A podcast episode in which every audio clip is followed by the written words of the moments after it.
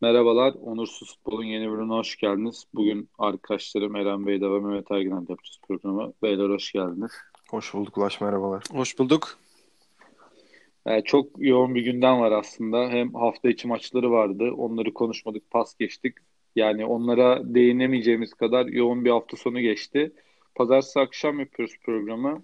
Ee, güncel en oynanan maçta Fenerbahçe maçı olduğu için Fenerbahçe Erzurumspor maçıyla başlayabiliriz. Öncelikle yani maç saatinden dolayı maçı çatpat izleyebildim ben. Zaten aslında olan olaylar da izlediğim kısımlarda oldu yani. Fenerbahçe çok başarılı bir 40-60 arası oynayarak maçı kopardı.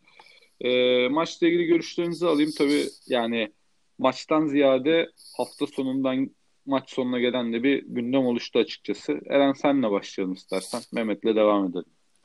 E, maçın saatinden dolayı izleyemedim demiştin. Yani çok da izleyecek bir şey yoktu. E, zeminin kötülüğü, havanın soğukluğu vesaire e, Erzurum'un çok kapanmasından dolayı hani Fenerbahçe açmaya çalıştı. İlk yarının son saniyesinde ve ikinci yarının başlarında gelen gollerle maçı kopardı. Yani çok e, ölçü alınabilecek bir maç değildi Fenerbahçe için. Zaten Erzurumspor'da dört tane zorunlu değişik yap, değişiklik yaptı ilk yarıda ve ikinci yarıya başlarken. E, maçın hikayesi, gidişatı belli olmuş oldu. E, Pelkas yine çok formdaydı. Geçen hafta olduğu gibi. E, Sinan'ın artık gol asist yapması değerli. Sadık'ın yükselen performansı. E, Sosa'nın, e, Tiam'ın çalışkanlığı maçı bitiren noktalar oldu. Mert Hakan Yandaş'ı unutma Eren. onu, doğru, doğru. onu, onu sana bıraktım. Tamam peki ben Ulaş'a pası atacağım Mert Hakan Yandaş'tan o zaman. Ya Mert Hakan Yandaş konusuna girmeden şunu soracağım Eren. Yani saydığın oyuncular aslında Pelkas haricinde Sinan olsun, Sadık olsun, Tiam olsun. Yani geniş Fenerbahçe rotasyonunda yedekten bile girmesi muhtemel olmayan oyunculardı. Yani şöyle ki forvet attı Samat da yedeği Sisse, Sadık zaten dördüncü stoper gibiydi. Sinan'ın zaten esamesi okunmuyordu takımda. Belki de en son sıradaki kanat oyuncusuydu ama yani sakatların dönmesi bir optimum kadroya geçiş yapacak Erol Hoca ama hani kazanan kadroyu da bozmak biraz zor gözüküyor. Yani bu noktada Mehmet'e de soracağım yani. Şimdi Sadık öyle bir konuma geldi ki sanki e, Lemos Fenerbahçe'nin dördüncü stoperi şu anda. Bilmiyorum ne düşünüyorsunuz? Öyle görünüyor tabii. Öyle görünüyor. Zaten Fenerbahçe'nin o noktada yani Lemos isteneni veremediği için oraya bir transfer bek bekleniyor yani. Konuşulan medya yansıyan isimler de var. E, bu demek oluyor ki yani ya Lemos takımın 5. stoperi olacak ya da takımdan kiralık ya da bonservisiyle ayrılacak. Sadık da gerçi büyük büyük Fenerbahçeli. Sol bekte de oynadı geçtiğimiz maçlarda. E, stoperde de esas mevkisi zaten. Hiç sırıtmıyor. Ya bu noktada benim diyeceğim şu. Sinan, Sadık, Tiam. Yani hiçbir Fenerbahçeli'nin eline kağıt kalem alıp 11 yaptığında asla ilk 11'e yazmayacağı oyunculardı bunlar. Ama bunlar baktığında gayet güzel oynuyorlar. Ee, bu da as oyunculara bir mesaj oluyor. Yani gerçekten bir yıldız gibi bir büyük futbolcu gibi oynamazsanız sizin yerinizde bu adamlar zaten oynayacak. O yüzden forma istiyorsanız gerçekten bir yıldız gibi oynayacaksınız. Yoksa bu isimler zaten sizin yap, yapabildiğinizi yapıyor. Bunlar güzel geri dönüş, güzel gelişmeler Fenerbahçe adına. E, Mehmet sen ne düşünüyorsun maç hakkında? Mert Hakan Yandaş başta olmak üzere. Ya Mert Hakan Yandaş'ın tabii son birkaç haftada yükselen bir performansı var ama yükselen performanstan kastım e, çok mu iyi oyun oynuyor? Tabii ki de hayır ama çok istekli. Kendini kanıtlamanın derdinde. E, yani Mert Hakan Yandaş'ı ısı haritasına baktığımızda gerçekten çok enteresan. Sahada ayak basmadığı yer göremiyorsun. Bunu hücum yaptığında rakip ceza sahasında da defans yaptığında kendi ceza sahasında da. Sağ açıkta da sol açıkta da. Her yere ayak bastığını görebiliyorsun. Çok istekli oynuyor. Ee, geçen senedeki yeteneklerini de bu hırsına eklerse e, iyi bir Mert Hakan yandaşı izleyeceğiz diye düşünüyorum. Ama Fenerbahçe e, Erzurum maçına çok kötü başladı. İlk yarının sonuna doğru Mert Hakan Yandaş'ın golü gelmese ki o golü de ben Pelkas'a yazarım. Pelkas vurmayıp e, Mert Hakan Yandaş'a aldı at dedi. Mert, Mert Hakan da en en iyi yaptığı işi yaparak çok düzgün bir vuruşla çok güzel bir yere bıraktı. E, o gol gelmemiş olsaydı Fenerbahçe için sıkıntılı anlar gelecekti yine. E, maç ilerledikçe yine kapanan savunmaları açamayacaktı. Kapanan savunmayı açamayacaktı. Zorlanacaktı. İş nereye gidecekti bilmiyorum ama maç bir anda 3-0'a geldi tabii. Güzel bir galibiyet oldu. E, 4 haftada 4 galibiyet. Yanılmıyorsam 12 ya da 13 gol attı Fenerbahçe. E, düşe kalka devam ediyor yoluna. Yani Luis Gustavo'nun kırmızı kart görmemesinden 4'lü 4 ile gelinen şu noktada rüya senaryo. Belki Başakşehir maçı kaybedilse dağılan bir Fenerbahçe olacaktı ama hem cami anlamında hem oyuncu grubu anlamında her anlamda kenetlenen bir Fenerbahçe var aslında. Çok doğru. Bu dediğimden sonra ya bunu şey demek istemiyorum yani Fenerbahçe'yi Başakşehir maçında hakemler bir şekilde ayakta tut demek istemiyorum. Geçti yani. 3 haftada oynanan belli oyun var. Burada ben ufak Alanya maçını değineyim Fenerbahçe'nin. Erol Hoca'nın tek maçlık planı işe yaradı ve Çağdaş Hoca'yı mat etti ki şu anda Kasımpaşa'da 10 kişi kalana kadar aynı senaryo öyle yine %70-30 toplu oynamayla Çağdaş Hoca'yı bir yerlerde mat ediyordu ama maçta değişik şeyler olabilir senaryo. Çünkü Kasımpaşa 10 kişiyle biz kayda girdiğimizde. Yani bu noktada Fenerbahçe ile ilgili sizin hep e, aslında bu podcastlerde bahsettiğiniz iki tane oyuncu var formundan dolayı transferlerden. Birisi Valencia, öbürü de Pelkas. Yani hafta içi de e, bizim son podcast yayınından sonra muazzam bir Mesut Özil haber trafiği yaşandı Türk futbolunda. Fenerbahçe taraftarları da bayağı heyecanlı. Yani Mesut Özil ismine kimse tabii ki de burun kıvırmıyor. Hesabını kitabını bıraktıktan sonra ki sponsorlar devrede klasik. Yani bu takımda nereye konumlandırabiliyorsunuz Mesut'u? Yani Pelkas'ın 10 numara performansı bu seviyelere gelmişken nasıl bir şey tasvir ediyorsunuz açıkçası kafanızda?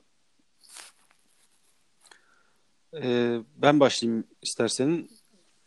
Yani Pelkas'ın da forma girmesiyle şu anda Fenerbahçe'nin bir 10 numaraya ihtiyacı var mıydı diye desen hayır derim. Pelkas'ın da şu formundan sonra orada genç Ömer Faruk var. E, Sosa'yı orada değerlendiririz vesaire. Ama yani Mesut Özil bir dünya markası. Yani bir gün yolu Fenerbahçe'yle kesişecekti. Yani kişisel fikrim sezon sonunda gelse daha iyi olacaktı ama bu tarz fırsatların ne zaman geleceği belli olmaz. Değerlendir değerlendirmeye bakacaksın. Ee, takıma uyum sağlaması e, hızlı sürede uyum sağlarsa çok büyük katkılar verecektir zaten. Ama tabii burada önemli soru şu. Mesut Özil buraya ne için geliyor? Yani uzun süredir futbol oynamıyor. Yanılmıyorsam Mart ayından beri geçtiğimiz yılın. E, Mesut eğer futbolu özlemişse, futbolu oynayacaksa buyursun gelsin.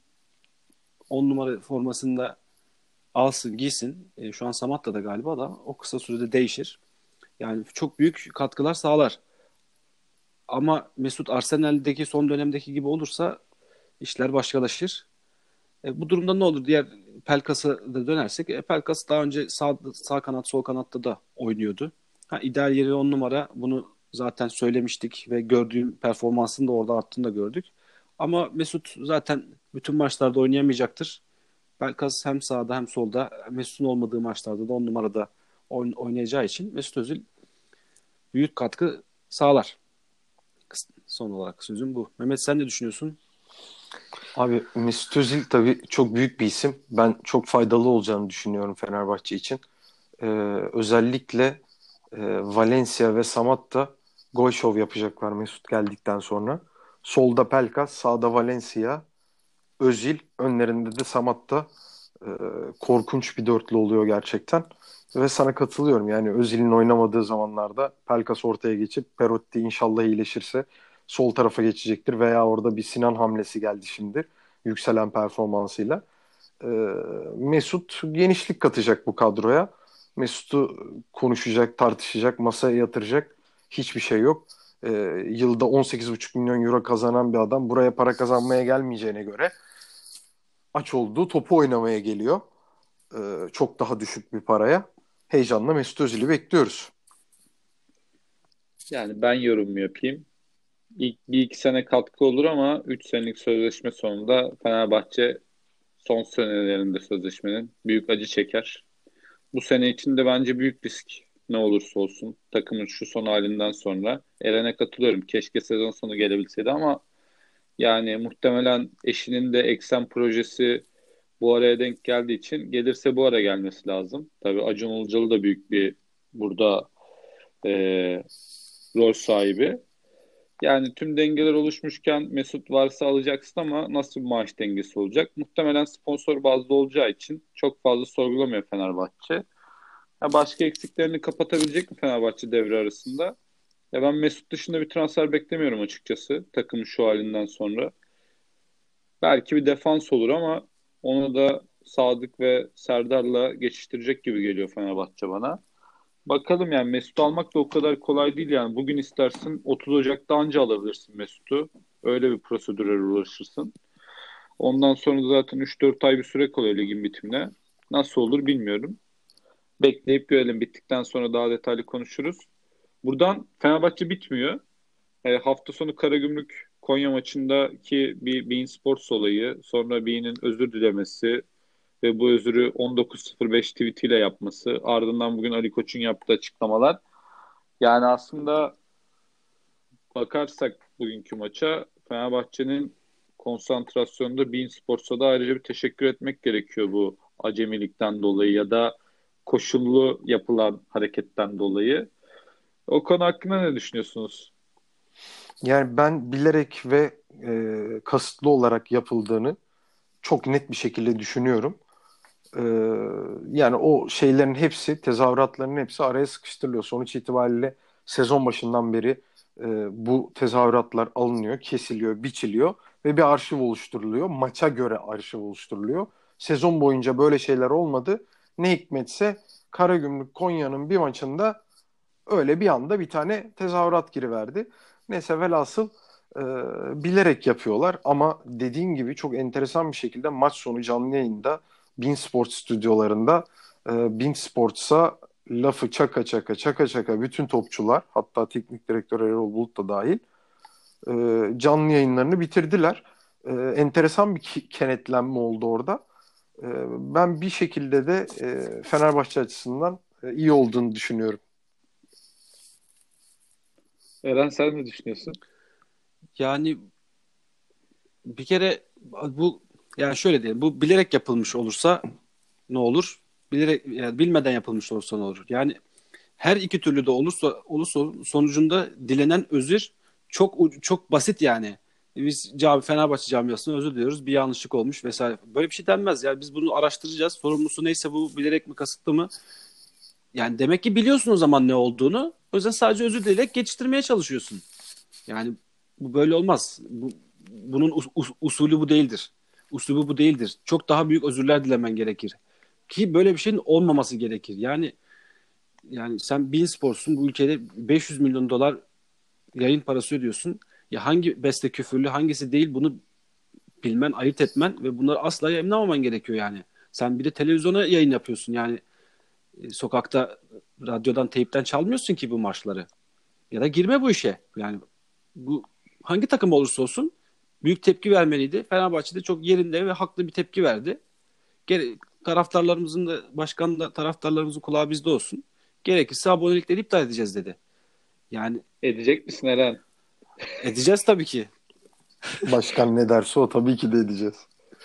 Eren edemez ben... çünkü başka bir abonelikte olduğu için edemez. Eren bugün gördüm ben çıplak gözle. Eren'in aboneliği daha universal bir Ben abonelik. iptal edeli çok oldu. Daha önce çok daha önce de çok yanımız canımız yandı. O zamanlardan birinde iptal ettik.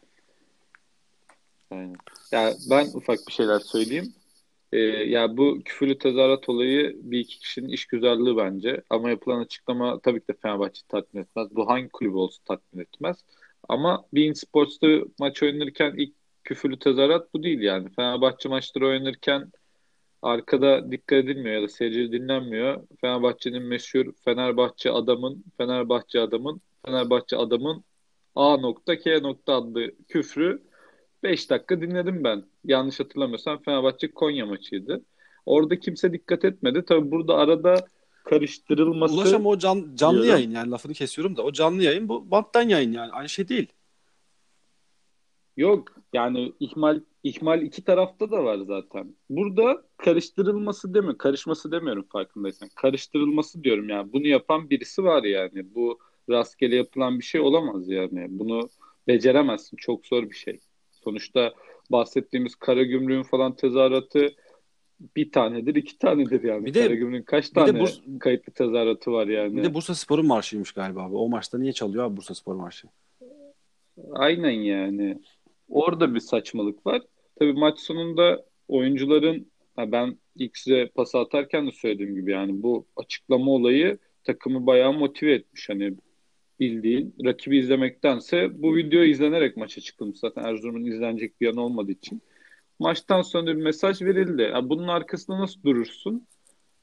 Tekrarlanırsa yaptırım yaparsın ama yani Bein Sports'un artık Türkiye'den çekileceği de aşikar gözüküyor. Kulüpler muhtemelen tamamen memnun olmadıkları için, para da alamadıkları için belli bir süredir rahatça gider yapabiliyorlar. E tabi bu gideri yapabilmekte Fenerbahçe'nin yapabilmesi çok kolay bunu. Çünkü yani çok zengin bir başkanı var Fenerbahçe'nin. Yani bunu yaparken hem arkasındaki camianın gücüne hem de bu kulübe getirebileceği çeşitli sponsorlara güveniyor. 3 senedir yaptığı gibi.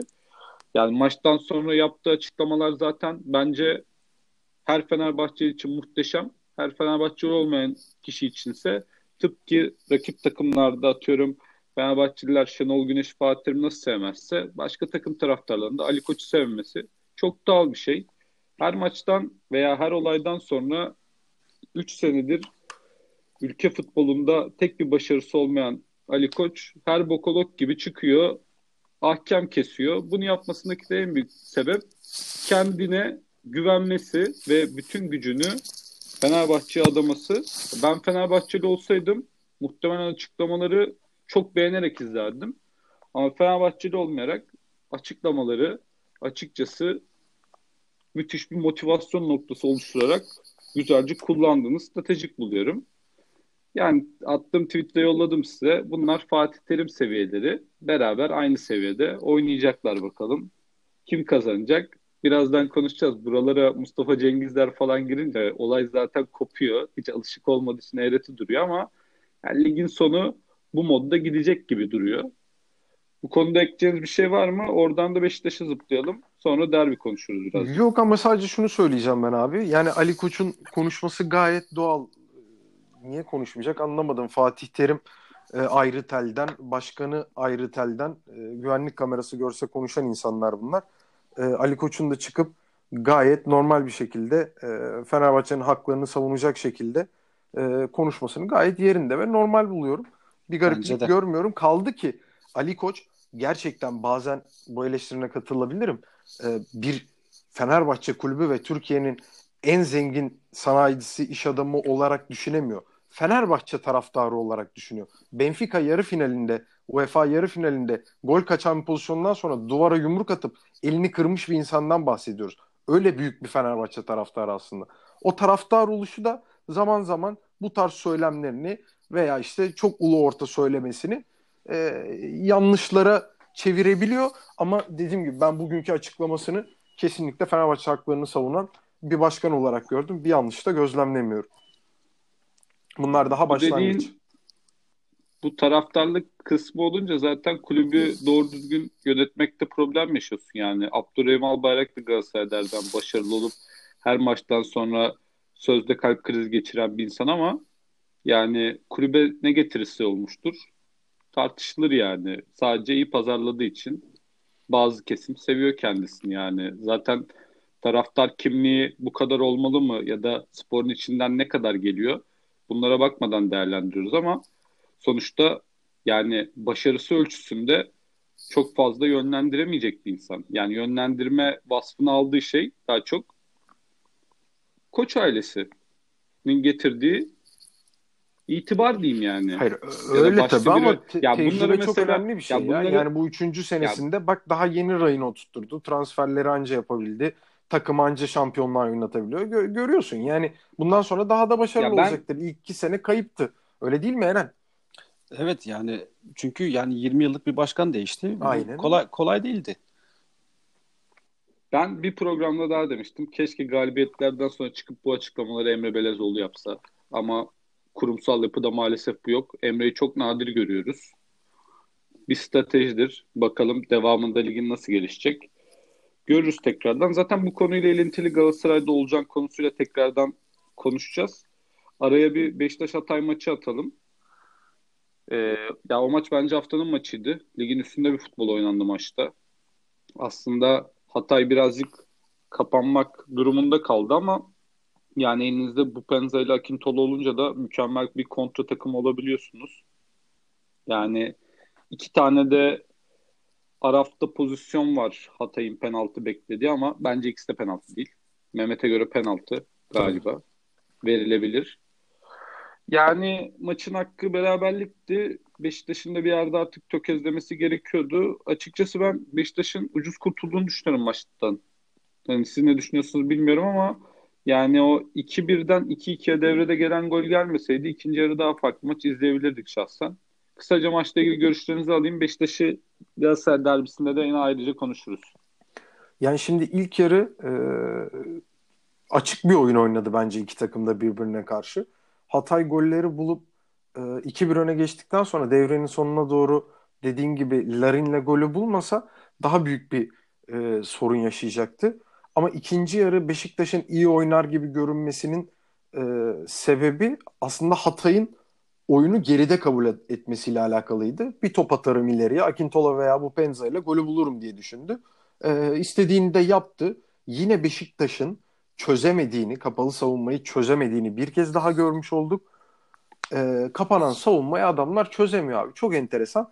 Bir de ben Sergen Yalçın'ın yanlış üçlü orta sahayla başladığını düşünüyorum. Joseph Hutchinson, Necip üçlüsüyle. Ben orada Necip'in yerine e, Dorukan veya Oğuzhan'ı beklerdim. Son haftalardaki çıkışından dolayı da kesinlikle ama kesinlikle e, Oğuzhan'la başlamasını beklerdim. Eğer Galatasaray karşısında da böyle defansif bir orta sahayla çıkarsa Beşiktaş'ın e, iki haftadır bu gördüğü liderlik iki buçuk yıl sonra gelen ilk ve son liderliği olur diyorum.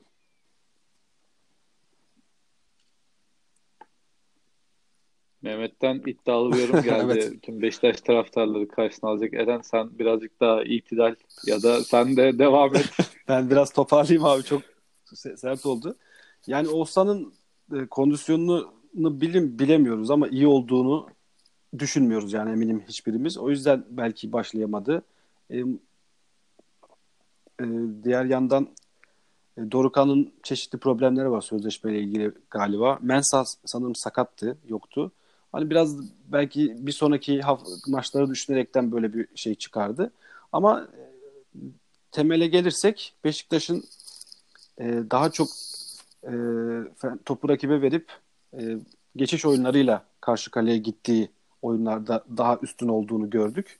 E, rakip rakip, rakibin uyguladığı katı savunmayı açmakta zorlanıyor. Nitekim Kayseri maçında 89. dakikada gelen penaltıyla açabildiler. Ee, Beşiktaş'taki notlarımdan yani Larin'in enteresan bir çıkışı var. Beşiktaşların bile inanamadığı bir çıkış gö- gösteriyor. Abu Bakar annesini kaybetmişti. Allah rahmet eylesin. Döndü geldi ama hiçbir şey hiç gitmemiş gibi çıktı maçlarını oynamaya devam etti. Bunlar güzel şeyler. Oğuzhan döndü takıma en azından e, skor katkısı vesaire yapıyor ama kondisyon olarak çok yeterli değil galiba ama iyi bir hamle oyuncusu olacağını gösterdi olsan Sergen de bunu e, iyi değerlendirecektir. Bir diğer şey de Gezzal o da sakatlıktan döndü. Yine e, o yumuşak ayağıyla iki tane asistiyle döndü ve tabelasını yaptı. E, bakalım bundan sonraki derbide neler yapabilecek? Larin gollerine devam edebilecek mi? Abu Bakar Galatasaray stoperlerini yoracak mı? Gezzal o ayağıyla kesecek mi? Ya şimdi bu noktada Larin demişken tabii aldatıcı bir 6-0 haftası oldu. Yani Beşiktaş Rize'yi yani Larin'in 4 gol attığı bir de asist yaptığı maçta sosyallik puan rekoru kırdı zaten Larin o hafta. Bu hafta da Galatasaray Gençler Birliği maçı 6-0 bitti. Ama ikisi de aldatıcı 6-0'lardı bence. Tabii bireysel oyuncu performansları bu noktada önemli. Hani senin verdiğin noktadan biraz yavaştan derbiye de geçelim süreyi çok uzatmadan. Yani Beşiktaş'ın aktif oy, daha iyi oynadığı oyun kesinlikle geçiş oyunu. Yani ben Galatasaray'ın Beşiktaş'ı topu bırakacağını düşünmüyorum deplasmanda olsa. Yine önünde zaten seyircisiz maç ama Fatih Terim topu almak isteyecektir. Çıkaracağı 11 tam kestiremesem de kafada Galatasaray'ın istediği oyun oynanacaktır. Aslında Galatasaray'ın istediği oyun birazcık da Sergen Yalçın istediği oyun olacak.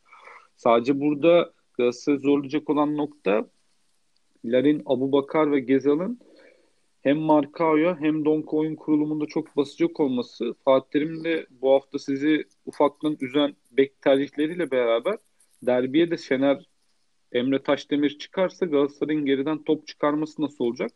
O büyük bir soru işareti şu anda Galatasaray için. Açıkçası geçen sene arenadaki maçta da gördük. Sergen Yalçın bunu yapmıştı Galatasaray'a. Defanslara büyük baskı yaparak Galatasaray'ın oyun kurmasını engelledi. Hani ileride de evet Belhan da bu hafta çok iyi oynadı. Arda da çok formda. İki takımın da birbirine ters gelecek noktaları var. Ya maç yine geçen seneki Sergen Yalçın Fatih Terim maçı gibi çok kitlenebilir ya da inanılmaz açılabilir. Derbiyle ilgili öngörüde bulunmak çok da kolay değil. Tabii o zamana kadar koronadan dolayı oynayamayacak oyuncu olur mu? Galatasaray'da formda olan bir Olcan vardı. O alt hafta olmayacak gözüküyor aldığı cezadan dolayı. Tabii onun yerine Babel girecek muhtemelen. Zaten Galatasaray'ın ana kazanan kadrosunda Babel vardı ama Olcan hızı ve presiyle fark yaratıyordu orada. Yani derbide iki takımı da değişik taktikler bekliyor. Mehmet'e de katılıyorum. Bu Necip'le orta sahasındansa bence Dorukan'a ya da Mensah'a dönecek orada iyileşirse Sergen Hoca. Defansta da Wellington cezalı. Oraya nasıl bir hamle yapacak? Tekrardan Necip'i mi koyar yoksa Montero'yu mu monte eder? Mesela bu hafta Ensakala Rıdvan rotasyonunda zor maçta Ensakala'yı tercih etti. Muhtemelen derbide Rıdvan'a dönecektir. Yani iki takımın çok fazla belli olmayan yeri de var açıkçası 11'lerinde. Kadroları görmeden yorum yapmak da zor diye düşünüyorum. Yani ya 0-0 ya 3.5 üstü diyorsun kısaca. Kesinlikle. Ben öyle diyorum yani.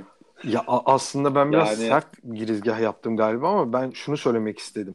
Yani Sergen Yalçın gibi bir hocanın böyle defansif bir orta sahayla çıkması iki buçuk sezon sonra gelen liderliğin devam ettiremeyecek olduğunu düşünüyorum kendi adıma. Çünkü Beşiktaş'ın Galatasaray, Karagümrük, Göztepe, Trabzon, Antalya, Konya gibi bir fikstürü var. Önünde 5 maçı var. Böyle defansif orta sahalarla bu işin içerisinden çıkamaz. Çıktığı yerden kolaylıkla iner. Aslında e, kadrolar çok belirleyici olacak. E, derbinin ne kadrolarını ne de skorunu gerçekten dediğiniz gibi ben de kesinlikle kestiremiyorum yani.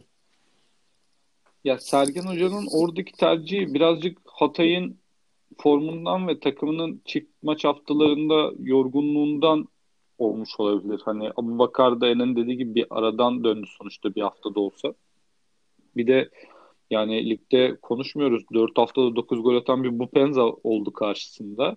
Çok değişik bir forvete karşı oynadı Beşiktaş. Yani oyuncunun attığı boş gol sadece Ersin attığı gol herhalde. Galatasaray maçında bu kadar Necip'le oynayacağını düşünmüyorum ama Necip'i savunmaya çekip oyun kurulumunda Necip'ten fayda Tabii Wellington cezalı şimdi mesela. Wellington cezalı. Galatasaray'da da yine enteresan kadroda revizyonlar evet. oldu. Yani enteresan maç olacak derbi. Sonrasında daha uzun uzadıya konuşuruz. Şu anda kestirilemiyor. Yani Eren'in dediği gibi herhangi bir bahis tavsiyemiz bulunmamaktadır maçla ilgili. Yani burada Galatasaray maçıyla ilgili tabii değinmeden olmaz. E, Fatih Terim'in cezası da oldu. Konya maçında yoktu. Zaten olmadı çok belliydi. Absürt bir 4-3 mağlubiyet. Hiç beklenmedik bir skor değil kesinlikle. Hak edilmiş bir 4-3 mağlubiyet. Hiç sahada olmayan Galatasaray'ın o maçta 3 gol atması mı ayrı komedi? Az daha maçı kazana getirmesi mi? Konya'nın mı dağınık hali? Saçma sapan bir maç oldu yani. Klasik sezonda 2-3 tane görüyoruz bunları Galatasaray'dan. Daha doğrusu büyük takımlardan diyeyim motivasyon eksi olunca. Yani hafta sonu Gençlerle maçın 6-0'ın keyfiyle de Fatih Terim inanılmaz bir basın toplantısı yaptı. Açıkçası ben izlemiyordum. Çünkü dayanamıyorum yani basın toplantılarına ama ya Twitter öyle bir düşmeye başladı ki yönetime verdiği mesajlar işte yaptığı giderler transferleri açıkça ifade etmesi ki bence en yanlış olan İrfan Can da bizi istiyor biliyoruz açıklaması. Yani bu açıklamadan hoca bir ceza alabilir yine. Bilmiyorum bu var mı şeyde herhangi bir e, kuralı falan var mı ama işte Visca'dır İrfan Can'dır, Onyekuru'yu istiyoruz, yok işte Zamalek'in forvetini istiyoruz gibi yönetim açıkçası bir liste verdi. Yani bu verdiği listede açıkçası birazcık tabii İrfan Can Visca istiyoruz gibi agresif bir çıkış olunca hafta içi de çeşitli takas senaryoları konuşuyordu. Ya açıkçası bir huzursuzluk ortam oluşuyor. Çünkü İrfan Can'la Visca'nın Galatasaray'a gidecek olması demek. Galatasaray çok çok ana kemik kadrosundan bir oyuncu kaybetmediği sürece yani ligin tescil olması gibi bir şey yani. Bunda hem fikiriz herhalde. Tamam. Buna hem Başakşehir esprili bir kahvelerimiz bitmiştir şeklinde yanıt verdi. Hatta bugün Ali Koç da dedi transfer listesine koydularsa bana haber gelmedi ilgilenebiliriz dedi ama burada bir transfer listesine konma olayı yok aslında yani. Oradan Kon- biz talibiz deyip kondurma var kondurma var yani. Bu e, menajerlik oyunu oynayanlar bilir yani. Orada İrfan'la Visca transfer listed değil yani. Fatih Terim yönetime hedef gösteriyor. Benim istediğim oyuncular bunların seviyesi. Alamıyorsanız sonraki kongrede gidersiniz diye. Ya oradan resmen bir yangın verdi ya.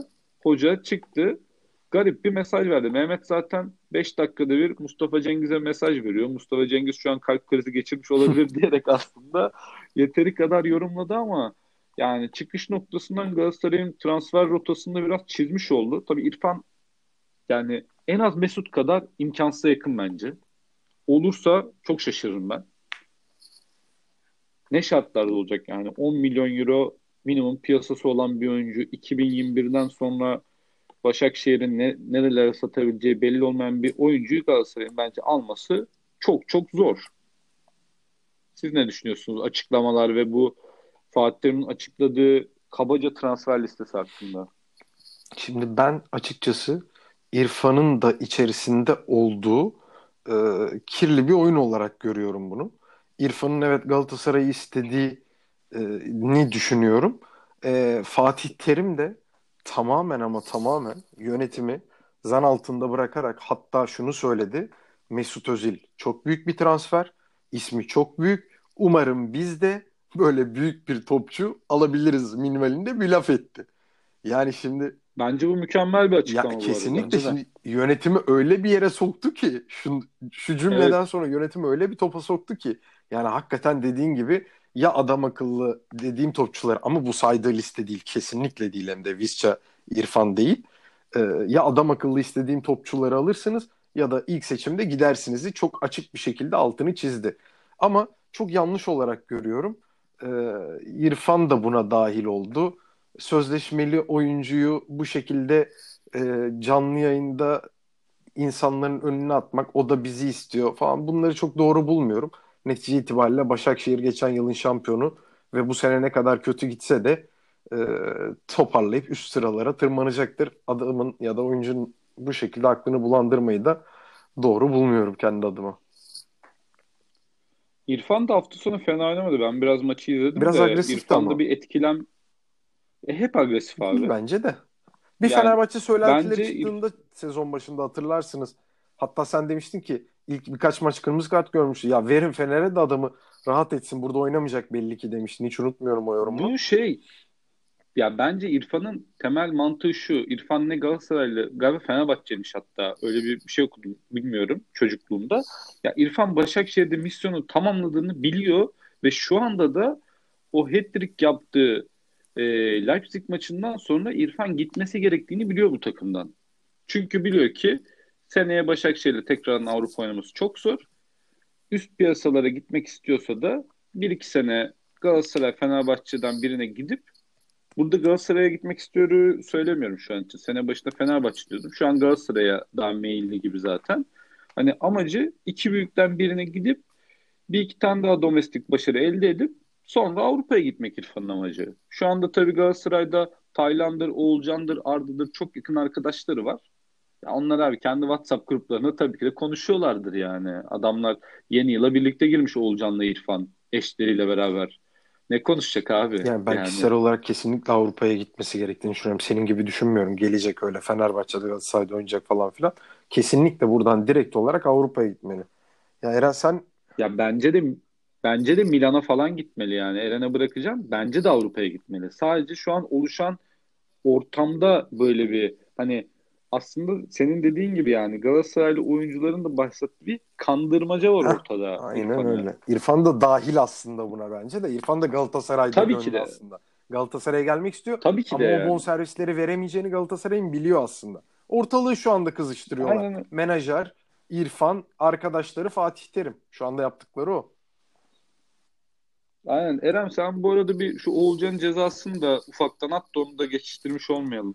Ee, ya İrfan'a İrfan'ın gitmek istediği belli. İrfan'a şu an yurt dışından teklif varsa kulübü zaten nakit para veren olursa kulübü or- oraya öncelik verecektir. Ama e, anlaşılan şu an bir gelen resmi bir teklif yok.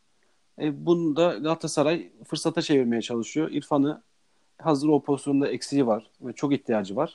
İrfan'ı alma peşinde. Yani karşılığında işte servis veremiyor. Bu arada Galatasaray sadece 1 milyon euro limiti olduğu söyleniyor.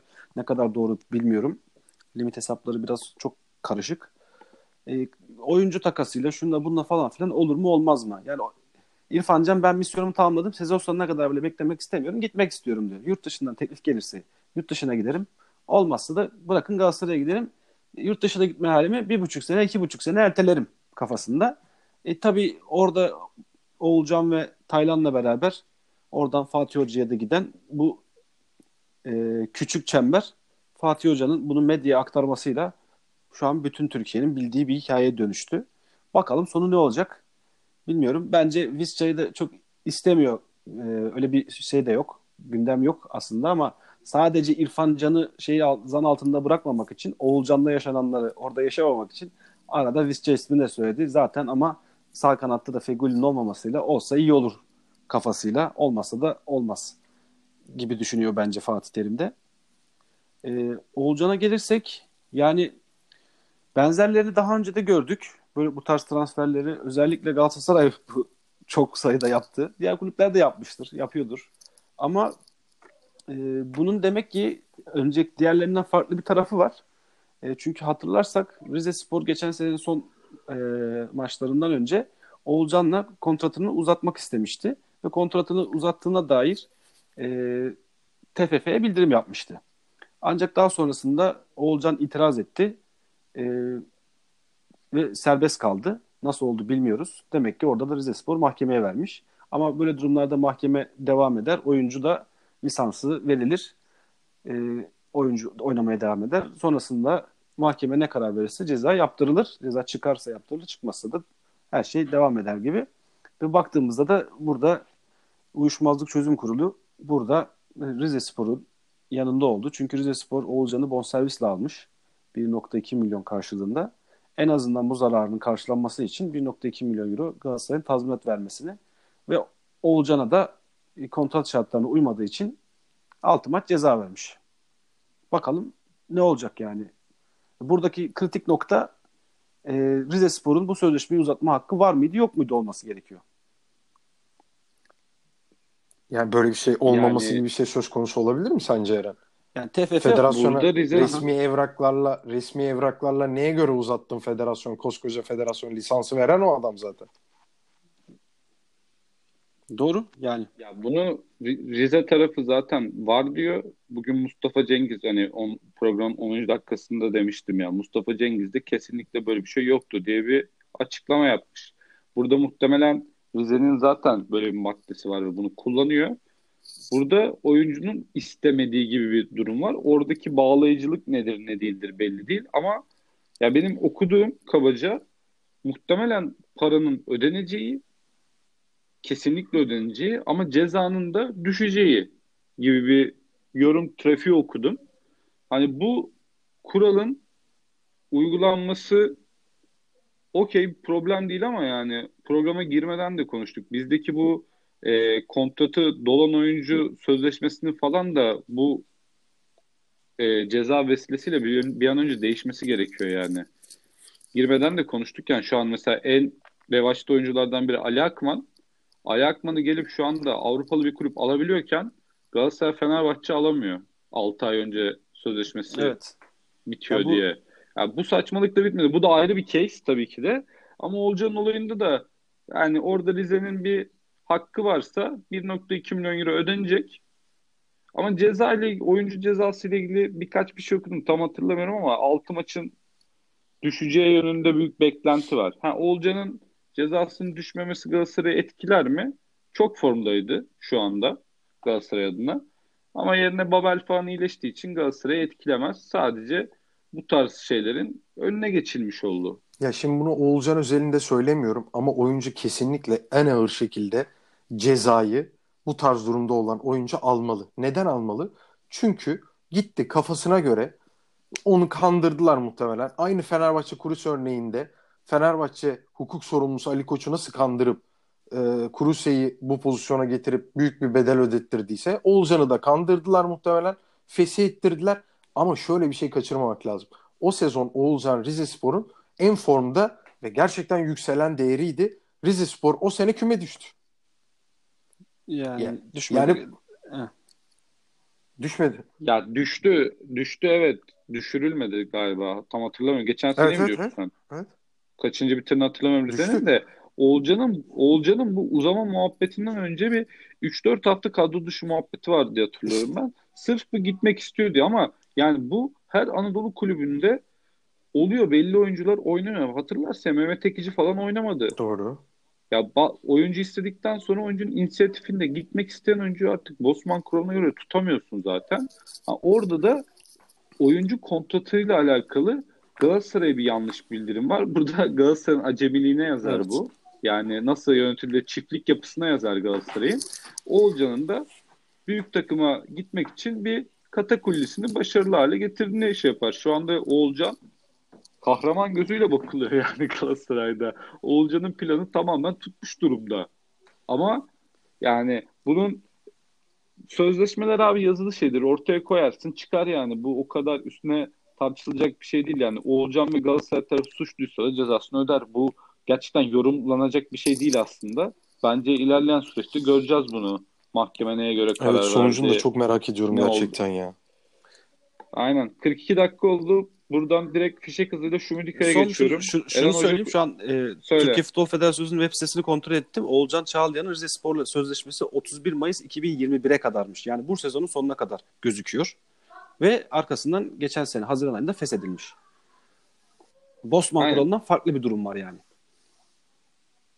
Evet evet benim Bosman kuralı dediğim Ali Akman örneğiyle alakalı. Evet. Burada sadece Oğulcan'ın kontratı uzatılırken neye istinaden uzatıldığı belirtilmek durumunda sadece o ortaya çıkar. Rize der ki biz bu adamla böyle böyle sözleşme yapmıştık. Buna göre uzattık. Buna göre alacağız paramızı da.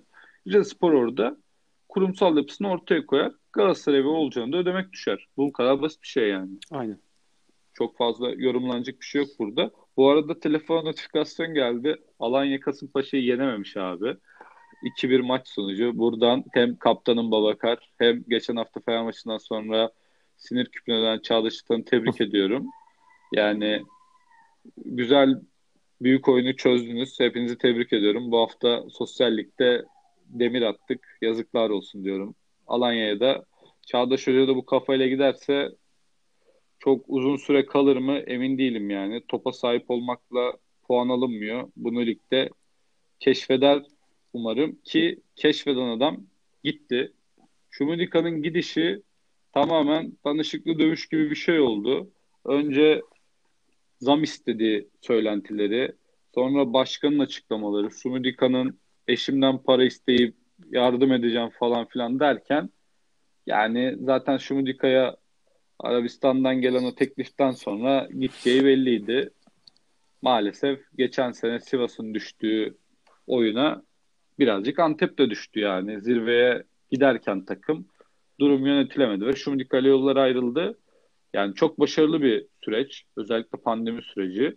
Hoca gittikten sonra da yerine kimi koysan olmaz. Bülent Korkmaz ismini gördüm ben. Resmi bir açıklama olduğunu bilmiyorum ama herhangi bir hocayla alakalı. Eren ne düşünüyorsun? Halk sinirli mi?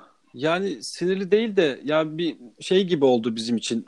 Ee, şu Midika'yla hani hoca çok renkli karakterli, hareketli, böyle mimikleriyle şunları bunlarıyla tam böyle e, şu, tırnak içinde şovmen denilebilecek bir karakterdeydi. E, takımı da iyi oynattı. Başarılıydı da. Hani skor anlamında özellikle. yani biz zaten hocayı başarılı olsun diye getirdik. Gaziantep'e gelsin çok para kazansın diye getirmedik. Ama gel gör ki bu başarısının bir takdire ihtiyacı var. Bunun parasını vermek gerekiyordu. İyi, az para da almıyormuş baş, Gaziantep Başkanı'nın söylediğine göre. Daha fazlasını da kulübü zorlayacaktı. Ama ona da dışarıdan çok reddedemeyeceğim kadar iyi bir teklif geldi dedi. O zaman yani sana da iki, iki tarafa da başarılar dilemekten başka çare kalmadı. Yani çünkü şu Şumidika kalsaydı başkanın şöyle bir şey de var. Evet şu an ligde çok iyi durumdayız. Beşinciyiz. Ama lig daha bitmedi ki. Yani ligin sonunda ne olacağını ben de bilmiyorum. Hani lig bitsin o zaman konuşalım. O zaman belki bir iyileştirme yaparız. Haklı da şu an pandemi ortamı belki kulübü çeviremiyor şu an. Zaten Gaziantep Spor'un e, Gaziantep Spor'un kadro kalitesi ortada yani çok ciddi e, bu sene bir Miralas geldi. Onun dışında hiç isimli futbolcusu yok yani. E, bir de Ciloboci vardı pardon. E, dolayısıyla iki taraf için de hayırlı oldu yani. Üzgünüz. Hocayı kaybettik. E, bundan sonra onun kadar iyisi gelmeyecek muhtemelen. Kim gelirse gelsin. Bu arada bayrağı devralan için de zor bir durum. Kim e, bu şeyin altı sorumluluğun altına girecek bilmiyorum. Bülent Korkmaz'ın e, şehirde görmüşler abi. Bana istihbarat geldi. Bugün e, yönetimde bir görüşme yapacaktı. Bakalım hayırlısı olsun. Bülent Korkmaz bence uygun e, bir isim gibi gözüküyor. Ya ben açıkçası Sumidika ile anlaşamamasını kulüp başkanının çok şaşırdım. Sumidika'nın yaptığı tamamen açgözlülük. E, parayı çok sevdiğini gösteriyor. Biraz da fırsatçılığını gösteriyor. Bak bunların hepsine varım. Ama abi yani Gaziantep bu kadar vasat bir kadroyla bundan sonra ne yapabilir? Bence ilk onun içerisinde yer alamaz. Kim gelirse gelsin. Aykut Kocaman'ın haricinde. Yani e, hiçbir şekilde e, başarılı olabileceğini düşünmüyorum. Bu kadroyu, vasat kadroyu oynatan Sumidika'ydı. Abi ne istiyorsa ver gitsin ya. Kimlere neler vermediniz? Kimlere neler yutturmadınız? Yani bir buçuksa bir buçuk milyon euro. iki milyon euro ise iki milyon euro. Yapardın kapı gibi sözleşmeyi de. Sumidika'nın ortaya koyduğu e, arzu, istek, o figür belli zaten. E, bilmiyorum. Ben çok yanlış bir karar olarak yorumluyorum. Yani aslında yani şu an pandemi şartları olmasaydı yani kulübün ya bu arada Gaziantep e, spor değil artık Gaziantep Futbol Kulübü. Eski kulüp değişti, adı değişti, camia değişti. Yani çok güç şey değil yani şehirdeki birkaç sanayicinin iş adamının e, sponsorluklarıyla şunlarıyla bunlarıyla dönen bir kulüp. E, pandemi şartları olmasaydı bence e, çok güzel bir fırsattı. Yani Şumidika ile 3 yıllık 5 yıllık bir sözleşme imzalayıp artık bir teknik direktör takımı haline getirmesi fırsatı verilebilirdi. Güzel olurdu ama şu an bu şartlarda doğru kararın bu olduğunu düşünüyorum. Yani sonuçta ligde kalalım yeter. Yani kesinlikle ligde kalır bence. Ben orada kadronun belli bir kalitesi olduğunu düşünüyorum. Yani Kayseri, Erzurum, Ankara Gücü Gençler Birliği gibi çöp bir kadrosu yok. Özellikle defans ikilisi çok iyi yani konuşmuştuk zaten Cileboji ile Kanabıyık. Yani Maxim, Muhammed, Mirallas, Diko, Güray falan bence orta seviye takım. Yani burada tek büyük sıkıntı mükemmel bir rüzgarın arkasına geliyorsun yani. Bülent Hoca'nın şu anda başarı kıstası nedir yani? 10 maçta 15 puan alsa başarısız gözüyle bakılacak adama. Yani başarı kıstası Antep'in 5 maçta 3 galibiyet 2 beraberlik olmuştu şu Mudika'yla. O yüzden çok büyük bir gelecek olmayacaktır yani. Antep'e hangi hoca gelirse kovulacaktır yani sezon bitmeden tekrardan. Çok zor yani başarılı olması. Bu yapıyı da yani belki oyun tarzı Aykut Kocaman çevirebildi. Mehmet'le konuştuk zaten sabah da onu. Hem fikrim o konuda. Ama bilmiyorum. Ha, hocanın göndermesi doğru mu? Kesinlikle doğru. Yani çünkü belli bir huzursuzluk olacaktı yani. Parayı da veremiyorsan ne kadar erken yollarsan o kadar iyi. Antep açısından güzel bir hikaye oldu pandemiden başından şu noktaya şu Şumilika. İleride oralarda mutsuz olursa tekrardan döner yani Türkiye'ye. Her zaman burada kapısı Kesinlikle. açık. Hatta dört büyüklerde bile fırsat olursa çılgın bir başkan deneyebilir. Şaşırmam yani. Yani diğer taraftan dediğin gibi yani Türkiye e, Süper Lig tarihinde ilk defa böyle bir şey oldu herhalde. Dördüncü bir takım hemen hemen devre arası diyelim. Dör, bir, bir teknik direktör gelip dördüncü takımı devralacak. Genelde 14. ya da 18. takım alırlardı. İlk defa böyle bir şey olacak herhalde. Bir yandan çok da bir yarış olması lazım. Herkesin yani gönüllü olması lazım belki de çalıştırmaya ama enteresan bir durum. Daha önce büyük baronlar girip e, Hamza Hamzoğlu ilk devreyi bir puanla ikinci bitirdiğinde Fatih Terim'i getirmişti kardeşim. Öyle de bir şey vardı. Ha. Hatırlarsınız. Anadolu takımlarından diyeyim. Doğru. Onu, büyük takımlarda vardır. Yani. Ya ya Hamza Hamzoğlu hocam mı? Evet, Allah aşkına ya. yani gerçekten Galatasaray'da kadroyu Hamza Hamzoğlu kurmuyordur bence o zaman çok fazla da. Neyse konuşmak istemiyorum ama yani Fatih Terim boştaysa gelir mantık Galatasaray'da her zaman sabit. Ben ne kadar savunmasam da yani Hamza Hoca'nın o zaman gönderilmesi çok doğru bir hamleydi. Saha birazcık söylüyor bunu. Aslında sağlığı saati yerinde olsa Mustafa Denizli falan da denerdi bu fırsatı da takım ters herhalde ona. Belki Bülent Hoca bir şeyler çıkarabilir. Programın da bayağı bir süresi de oldu. Var mıdır ekleyeceğiniz bir şey? Yavaştan kapatalım. Yok abi. Kapatabiliriz. Yani haftaya derbi var. Fenerbahçe Ankara gücü maçı var. Trabzon'un bay geçmesi bu hafta bizim işimize geldi. Onlar da bayağı formdaydı aslında. Onları da konuşuruz. Haftaya yine keyifli bir program olacaktır. E, ağzına sağlık diyorum. Tekrardan görüşmek üzere haftaya. Görüşmek üzere. Görüşmek üzere.